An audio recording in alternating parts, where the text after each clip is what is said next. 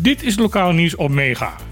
Tardi, ik ben Martijn Hiesmuller en dit zijn de onderwerpen van vandaag. Milieuorganisatie Greenpeace zegt geschokt te zijn dat de opeenvolgende kabinetten onder leiding van de VVD-leider Mark Rutte de klimaatprobleem op jarenlang bewust hebben genegeerd. Volgens Greenpeace zal dat blijken uit de documenten die de organisatie via een WO-verzoek bij de overheid heeft opgevraagd. Greenpeace heeft een aantal maanden geleden met een onderzoek aangetoond dat binnen een paar decennia een vijfde deel van Bonaire onder water komt te staan door de zeewaterspiegelstijging. Toch blijkt uit de opgevraagde documenten dat volgens kabinet een wettelijke bescherming tegen overstromingen voor de best niet nodig is. Omdat deze eilanden nog nooit een overstroming hebben meegemaakt.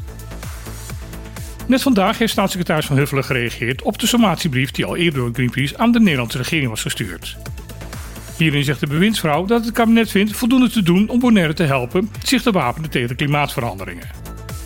Ook zegt ze in een brief een extra miljoen toe om de noodzakelijke plannen te kunnen opstarten.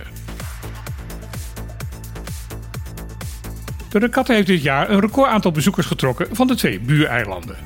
Vooral vanaf Curaçao kwamen er veel meer mensen het feest op Bonaire meevieren dan ooit.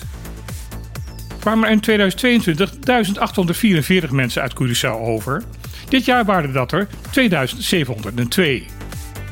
De groei van het aantal Arubanen was een stuk minder. Dit jaar bezochten 380 Arubanen de regatta tegen 281 vorig jaar. Wat de cijfers laten zien is dat de regatta op Bonaire niet alleen een feest op dit eiland is, maar steeds meer aan het uitgroeien is tot een regionaal evenement. Parallel aan de ontwikkeling in Europees Nederland op dat gebied zullen mobiele telefoons en tablets ook in de klaslokalen van Caribisch Nederland verbannen gaan worden. Dit heeft de verantwoordelijke minister Marielle Paul met de onderwijsorganisaties afgesproken. Sinds de smartphone in 2007 door Apple is geïntroduceerd, hebben leerkrachten over de hele wereld geklaagd dat door de afleiding die deze slimme apparaten veroorzaken, leerlingen slechter op school zijn gaan presteren. Daarom werd de roep om een verbod steeds sterker. Vanaf komend schooljaar zal het mobieltje alleen nog maar in de klas gebruikt mogen worden wanneer dat aansluit op de inhoud van de les. Bijvoorbeeld bij lessen over mediawijsheid. Kinderen die om een medische reden gebruik moeten maken van een tablet of telefoon, mogen dat blijven doen. Het gaat hierbij om een onderlinge afspraak tussen onderwijs en overheid. Later zal geëvalueerd worden of de maatregel op deze manier afdoende werkt of dat het toch vastgelegd moet worden in de officiële wetgeving. De CEO van Flamingo Airport, Maarten van der Scheer, had het afgelopen zaterdag al aangekondigd in het programma Op de Klippen. Nu zijn de werkzaamheden ervoor ook echt begonnen.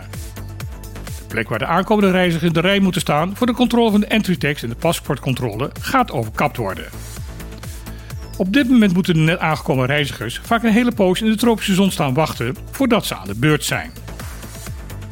Van der Scheer zijn in op de klippen dat dit regelmatig tot klachten heeft geleid. Vooral omdat de overgang van het gekoelde vliegtuig naar de brandende zon door velen als wel heel erg groot wordt ervaren. Daarom wordt nu op deze plek de fundering aangelegd voor de beschermde overkapping. Ook het looppad op die plek zal daarbij verbreed gaan worden. Tijdens de bouw zullen de aankomende gasten tijdelijk een andere looproute moeten gaan volgen. Er wordt naar om de bouw zo snel mogelijk af te ronden om de overlast zo gering mogelijk te laten zijn. Dit was weer het lokale nieuws op Mega. Ik wens iedereen een mooie en beschutte dag toe. En dan heel graag weer. Tot morgen.